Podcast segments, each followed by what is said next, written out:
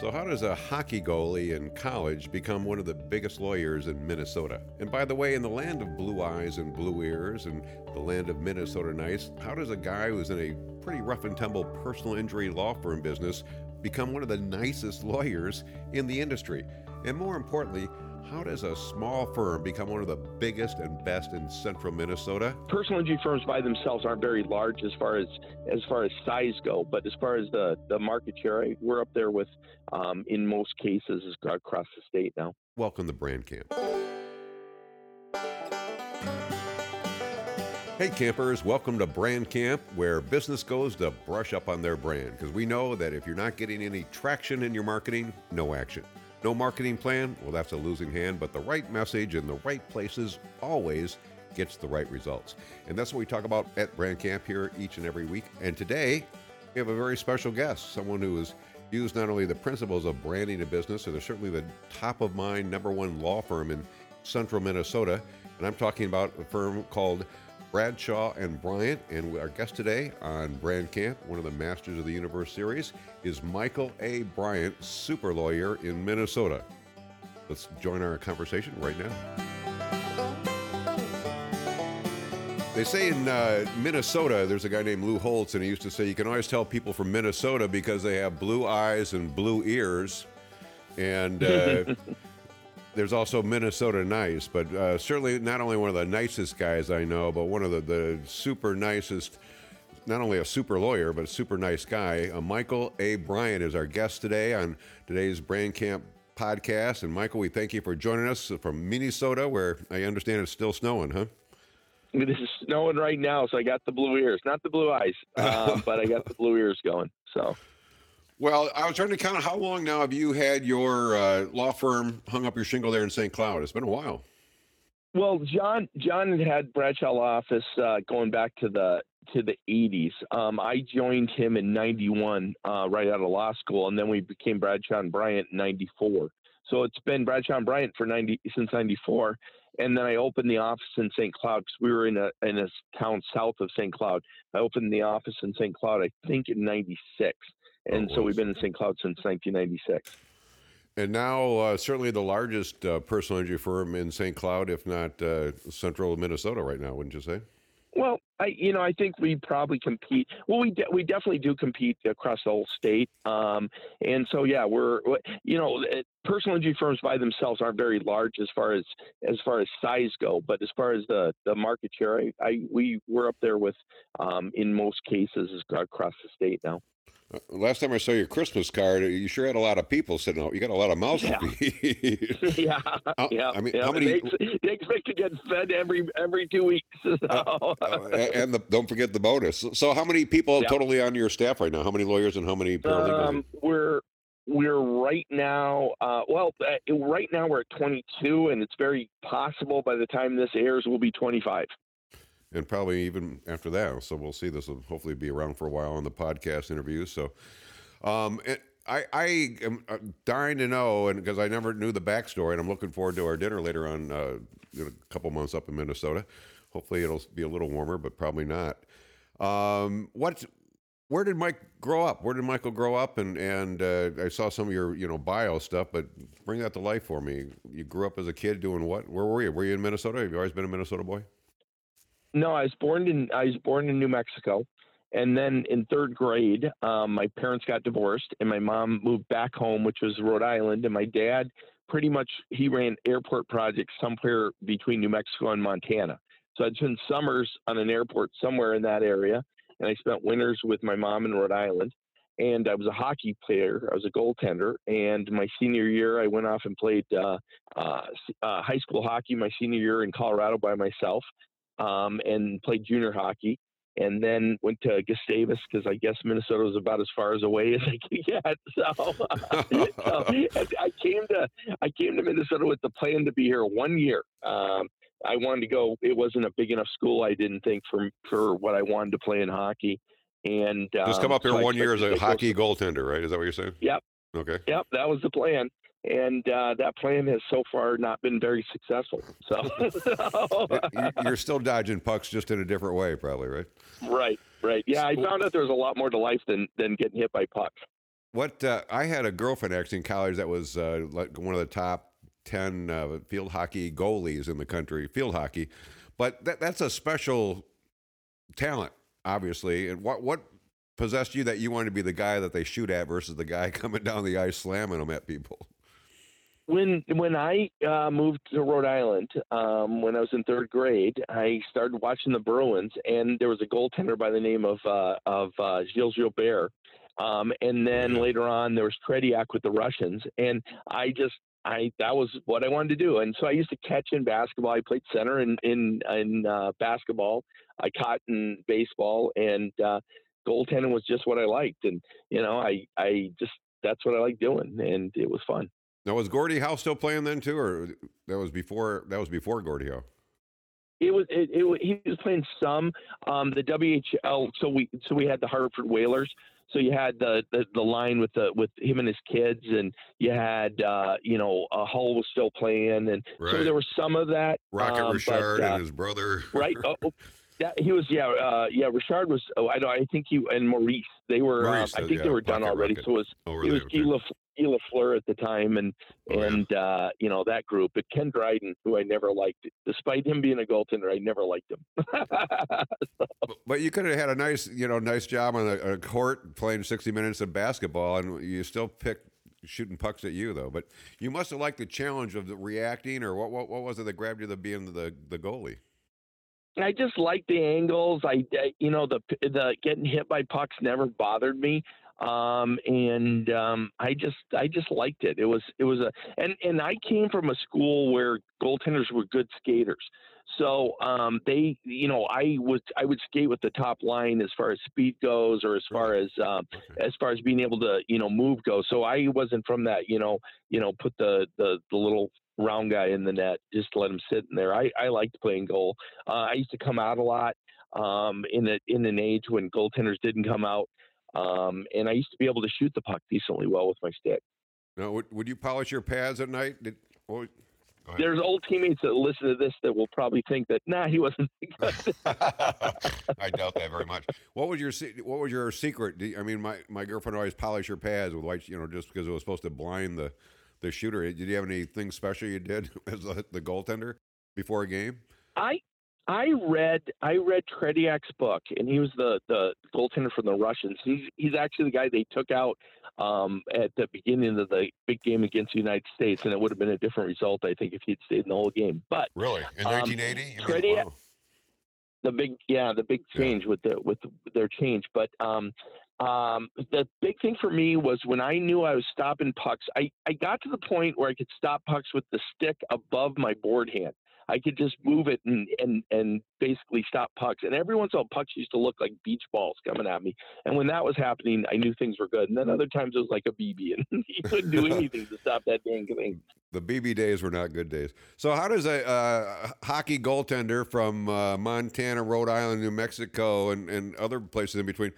end up that you decide you want to be a lawyer. And, and for of all people, the riverboat of all lawyers, the, the personal injury lawyer. I, I ended up, um, you know, I went my freshman year. I went to a pre-law thing with a girlfriend that I had, and so I always kind of kept that in the back of my head.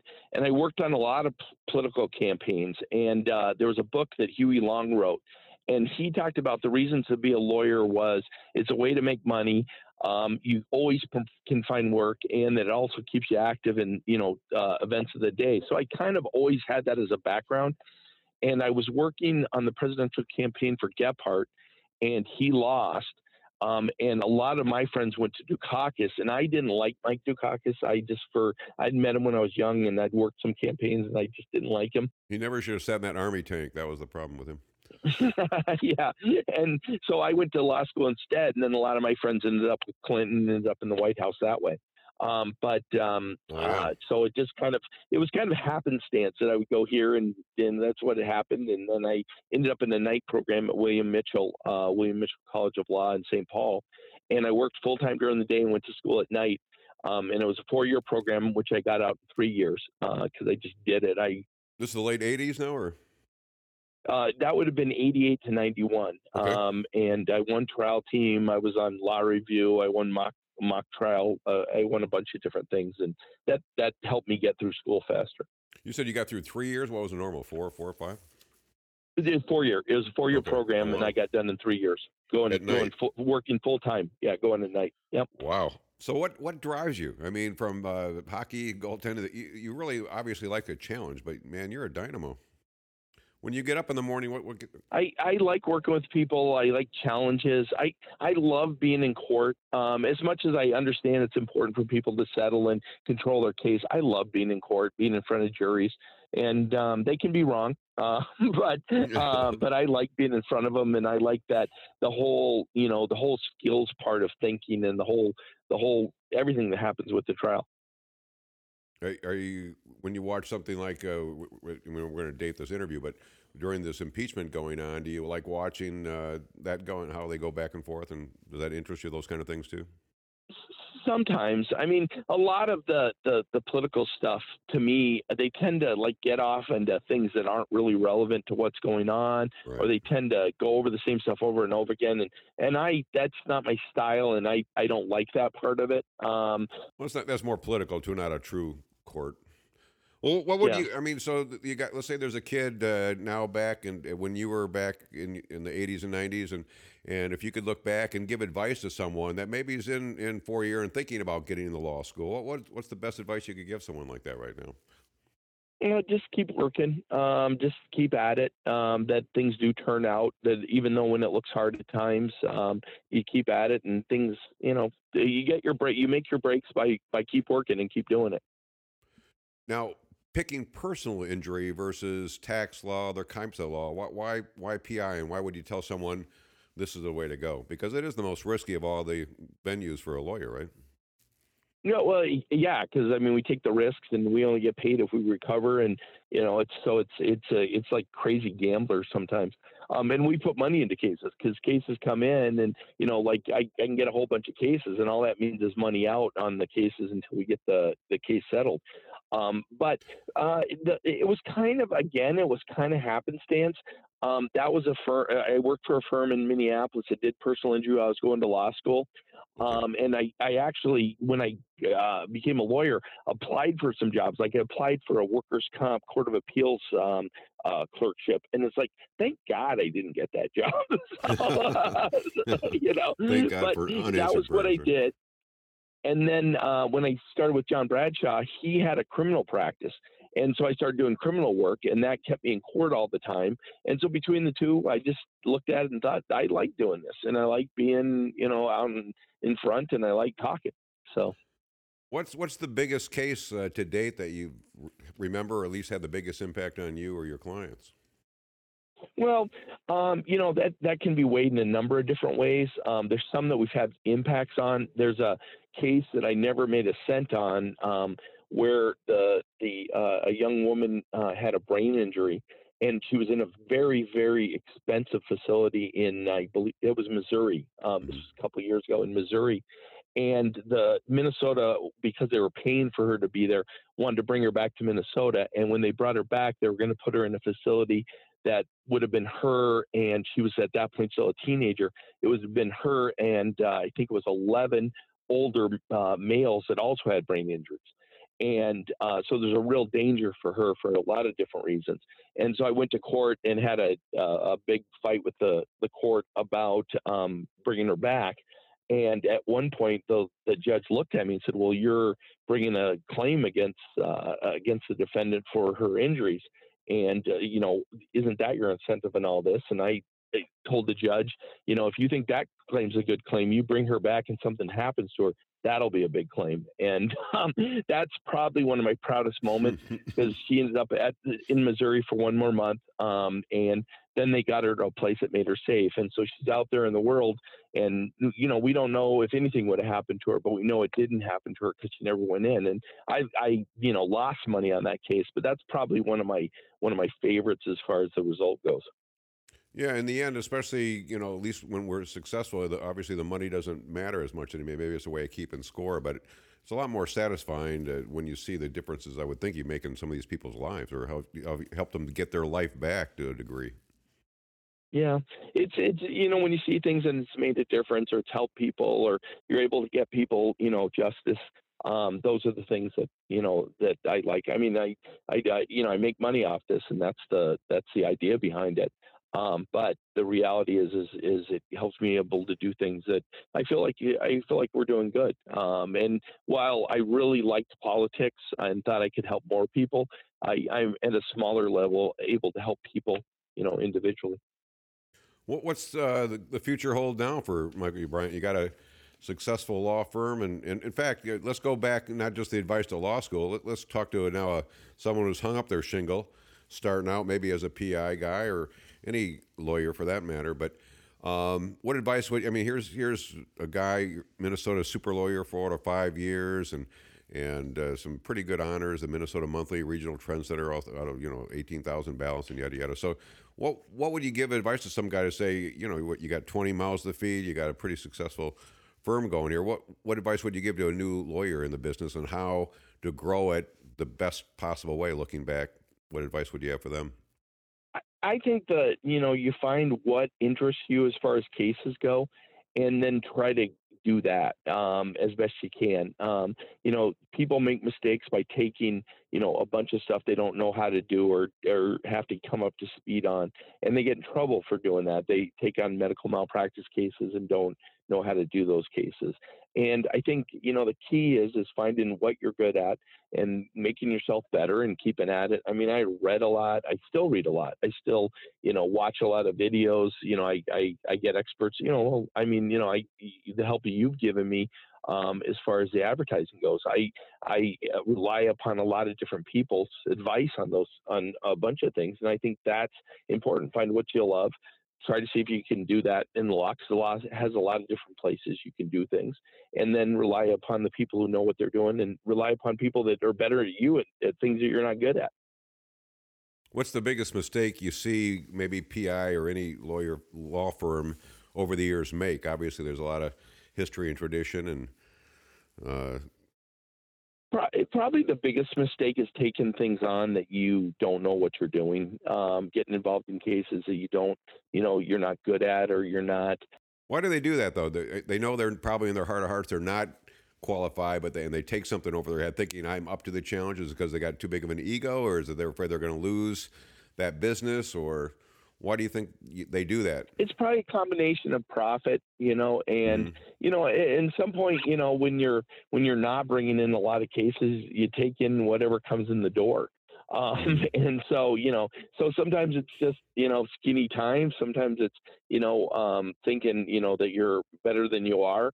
Um, and, um, uh, it's it's it's probably most driven by the idea that well I'll get paid pretty big on this, and so that's why they take some things on that they should. Is that why PI or personal injury attorneys you think get a bad rap sometimes, or have gotten bad raps in the past? Is that one of the reasons because they're that ego or taking on stuff they shouldn't? Yeah, probably. I mean, that that plays a role in it. Um, it probably the biggest thing is we take on uh, a really, you know, the insurance companies are a big, big giant out there, and you know they they spend a lot of money on advertising and they have spend a lot of time on getting messages out, and they know that people who come to us get more money than people who aren't represented. So mm-hmm. you know, it's kind of taking on a you know a big giant, and sometimes you get stink on you because you're dealing with the giants. And I know sometimes, certainly with my marketing background, I watch with interest. Uh, you see guys out there with a hammer, or you know, they have those kind of labels they use for their imaging. And I remember in the old days in Madison, uh, there'd be a guy jump out of a pool in, in, his bathing suit, hairy and 60 and not great looking, and saying, "Are you over your head in debt?" or whatever. And so, uh, in that case, they should ban ads like that. But you know, that doesn't help either with those kind of harsh or whatever kind of labels you want to put. Not not very dignified, let alone not very good. Period. It, it depends on what your goal is. I mean, if I wanted to get lots of phone calls, if I wanted to get the phone ringing, I could do an ad with a big giant check, or I could do an ad with boxing gloves, or mm-hmm. those things, and you'll get a lot of phone calls, but you get a lot of garbage phone calls, and you you can't go in front of a jury. Um, one of the things that that always was important to me with our advertising is I wanted I I knew I had to go in front of a jury, and if you go in front of a jury and they think you're a scumbag and you only are in it for the money, they'll not do very good, and you'll affect the case. They'll sense they'll feel that they'll sense that, huh? Yep. Wow. I wanted to make sure that the message that we put out was for jurors too, and and I also wanted to put out a helpful message. I mean, there's a lot of things that you know, ideas that you give, have given me that we've used that are aimed at helping people that actually probably drive down business. In in reality, I mean, I do a big don't drink, don't drink and drive, don't text and drive uh, mm-hmm. effort, and I really want that to be the case. So, you know, and that really doesn't help my business, but in the end, it makes people safer and, you know. Well, it's who you are too. There aren't many guys that have heart like you do, I, I think, and it's hard to say that because again, the industry and things like that. But if, again, if you're gonna, and that might be a great, interesting story to, to start wrapping up here is. Uh, how did you kind of scale this up? And maybe we could tell the listeners because that's an interesting story. Again, you got a shingle. You saw the partnership, and you, and you started that, of course, even back in school, I guess. Uh, but you ramped this thing up pretty good by uh, dominating a town that really didn't have a top of mind legal firm at that point. So how did you do that? You might tell the people. When I first when I first started in St. Cloud, um, they only only twelve percent of people could name a lawyer, and there was one law firm that was kind of the the the, the leader of the twelve percent, but it was a really open market, and so we went real heavy on TV for a year and got lots of phone calls um, because we were at that point getting a lot of referrals from other lawyers because of the trial work we, that we did, and so we so I basically took the referral money and put it into advertising. And TV was okay, um, but TV, people forget, and it didn't stick in people's mind. And then I started on radio, and um, and then I think you got involved a couple of years after I started with uh, the local radio station in St. Cloud. Mm-hmm. And uh, you know, in the long run, I mean, I got people that are singing my jingle. I've got you know people that come in. One of our big taglines was "Don't sign anything without talking to." A, it, it used to be talking to a lawyer, and then it, people convinced me to finally say it without talking to us. Um, mm-hmm. but um, it, you know, so I have people that come in. It's like I'm not supposed to sign this until I talk to you. You know, so so they repeat. You hear it back again, and uh, so the big thing is getting top of the mind and then keeping it in people's mind. And where did Justice for the Injured start? Do you remember? It, it, thankfully, you put out a book every once in a while and remind me of very important parts of it. Um, you're, you're Justice for the Injured. Uh, Justice for the Injured comes out. Uh, I was um, I knew we needed something, um, and and so I was driving, I think in southern Minnesota one night, and called up my my. Uh, at that point, I think I might have been a partner, he might have been my boss, John Bradshaw, said, "What do you think of this?" And he, we checked it, and there was some other lawyer using it in Milwaukee, but nobody had copyrighted it, and then we we did that, and you know that's where it came from, and you know it's been with us as a branding ever since. Are, are those the words people remember, or is it don't sign unless you talk to us, or is it a combination of those? It sounds like. Huh? It's That's probably a combination of both. You know, That's the great. jingle sticks in people's head, and yeah. you know, I came kick, kicking and screaming to the jingle, and it was it was my one of my my favorite things. Um, you were doing a seminar, and um, and we were playing a list of my or uh, a breakdown of my uh, my commercials, and you were like, "Well, I think it's going good, but you know, I think we need to get a jingle." And like the very next one we played was the jingle, and it was like two or three things you brought up. It's like boom, we hit that, and boom, we hit that, and so you know, it was a structure that worked, and um, and so yeah, I'd say the jingle um, and e- either one of those two things uh, people bring up all the time. This the system always works, but it only works if you've got a great business, and whether it's a I found out pest control guy we've talked to, Steve's Pest Control doing eight million in Columbia, and and uh, kitchen guy doing un- unbelievable numbers in Springfield. But again, it's not the category. It takes a, to me a person, a great person. It's not just a super lawyer. The mirror. It's someone with a great heart, and that's that's what I really admire about you, Michael Bryant. Is you've got a great heart. You're you're not your typical stereotype lawyer, obviously, and uh, good or bad rap, but but it it takes someone with some skill to to because once you have that fame, what do you do with it? And and you know, there's a lot of things that people have done or malpractice with that as well. But you've taken that and you and you continue to amaze me. I mean, uh, where what's the future hold for you? Do you see this? I mean, I know you use the uh, Minnesota lawyers uh, for your website. Do you see yourself being growing and, and expanding throughout the whole state, or are you happy where you're at with your 20 people there in central Minnesota? You're I've tried cases. I've tried cases, and uh, we have an office in Minneapolis, an office in St. Cloud. Um, oh, I I've tried cases in all but twelve counties in the state, and I've made appearances in, in all but seven counties. So so I end up all over the state. I I drive. You should run for governor. 50, like. yeah, yeah. There are sometimes I feel like that. Um, I I um, drive about fifty five thousand miles a year, all in Minnesota. Wow. Um, so you know, it's just you know that's part of the deal uh, as far as it goes. You should get a car company to sponsor your law firm. Jeez. I'll work on that for you. Go ahead. yeah, I've been um, I've been active in um, in uh, abuse cases, uh, the priest abuse cases, and yeah. uh, it's possible North Dakota is going to open their statute, and if that happens, I'll probably be up in North Dakota more. Um, and then I've been doing some stuff around the country based upon that. Um, and then Minnesota opened their statute up for three years, and I was very, I, am still, we're still working on those cases now. So that's that's been the probably the the biggest change as far as what I've been doing in the last couple of years. How, how do you scale like that though? Would you? I mean, you can. You, there's a point where you, there's only so much Michael Bryant to go around. Wouldn't you? I mean, do you acquire firms like in North Dakota at some point? Do you ever think of, of growing that way, or because you're gonna have to get more people around you to do something like that? Otherwise, you're gonna have 500,000 miles a year and drop over. Yep, that is true. So, you know, I, you know, is there? Yeah, I mean, there's got to be an in someplace. But you know, I, I thought when I was going to school full time and working full time, it's going to get easier after this, and no. I just that kind of set me up for what was coming. So. Well, as as former board director of the Minnesota Public Golf Association, do you get out and is that what you do for fun still? Is golf, or what do you do for fun on the side? I used to. Um, I I uh, I stopped golfing 15 years ago um, and haven't golfed again since. Um, and uh, so, as far as fun goes, I, I, I follow the Red Sox. I watch all the Red Sox games. Um, Patriots I, uh, fan. My, I'm a I'm a right. Patriots fan. I um uh, my boys both just graduated from high school, so they're both in college now. So I I missed in their lifetime. I missed three games ever between plays and, and sports games that they were in. So I spent a lot of time with the boys, taking them to movies, going to their events. Um, and so um, so are they Red Sox? Is Thomas CJ? Are they are they Red Sox fans too or not? Did you? No, they're not really sports oh, guys. Oh, really? I mean, they kind okay. of they kind of do it. I mean, there was one point when they were very little, when they were kind of growing up, and I had them in a whole bunch of Red Sox and a whole bunch of Viking stuff, and I thought, right. oh my God, I ruined these children. And then the Red Sox started winning, and you know, I I you know, the Vikings have done that helps. I did the same thing with the Packer stuff, so it, it's all good. They'll survive. So, do they are they following their father's footsteps, or what are they pursuing in, in school?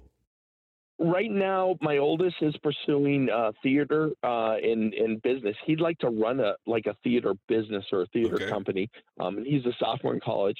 And then my youngest is right now in in architecture, and he's also in a band um, and he's a wow. bass player, so that's, that's keeping great. him busy that way. So, so they talk a little bit about um, about you know being lawyers. I the mm-hmm. oldest sometimes thinks about that as being an additional thing because he's really into learning, and the youngest I think sees it as a potential. You know, he'll just come work for dad and hang out. Well, you know, even though they'll find out, but but and I'm sure you've schooled them in the hard work and all that good stuff. They, uh, I would think there's some tie-ins though with the uh, not only what how many cases really make it to court, but I could see theater and performance with uh, being in front of a, a, jury. That there's a lot of great tie-ins there, obviously. And, Oh yeah, yeah, and there's things I run by them. I mean, one of their fun games their kids used to like to play is I used to run case scenarios by them and their kid and their friends just is to kind right? of get a different viewpoint on things, and they loved it. That was the really? funnest thing to yeah. Did they ever give you give you another point? Yeah, would would they come up with? Did they ever help you win a case? They or give you something you never thought of and say? Absolutely, they gave me lots of different ideas or lots of different angles on things. Give me one, and we'll wrap up here. You can remember one story or one thing they came up with. Um, I had a very strange um, intersection case that I wasn't sure I'd be able to prove that uh, my client was less at fault than the other person, and so I ran, you know, the scenario by him. And after they started asking questions about the tires and the lights, and um, the people's experience in driving. They gave me ideas, you know, and these were at that point, I think they were all like in third grade. So it was a bunch of uh, third graders, you know, that were that were giving me their angles. It was a it was a different way to look at my case, and so it made a real big difference on presenting it to the jury because it helped me to be able to shape the evidence in a way that people could understand it better. You know, the older I get, I keep hearing it's just about simplifying your message, no matter where it is. And and I would think with a third grade perspective, maybe they help you dumb it down to where a lot of people would just simplify it and cut it to the quick. Uh, or again, because sometimes we overthink things too much. At least I do you you control the message more. I mean, when you when you get a simple idea across and you can communicate better with that simple idea, you control a little bit more of what someone understands versus you know giving them a broader message. They may miss part of it or they may be daydreaming. You know, and so so that helps in being able to get your your point across.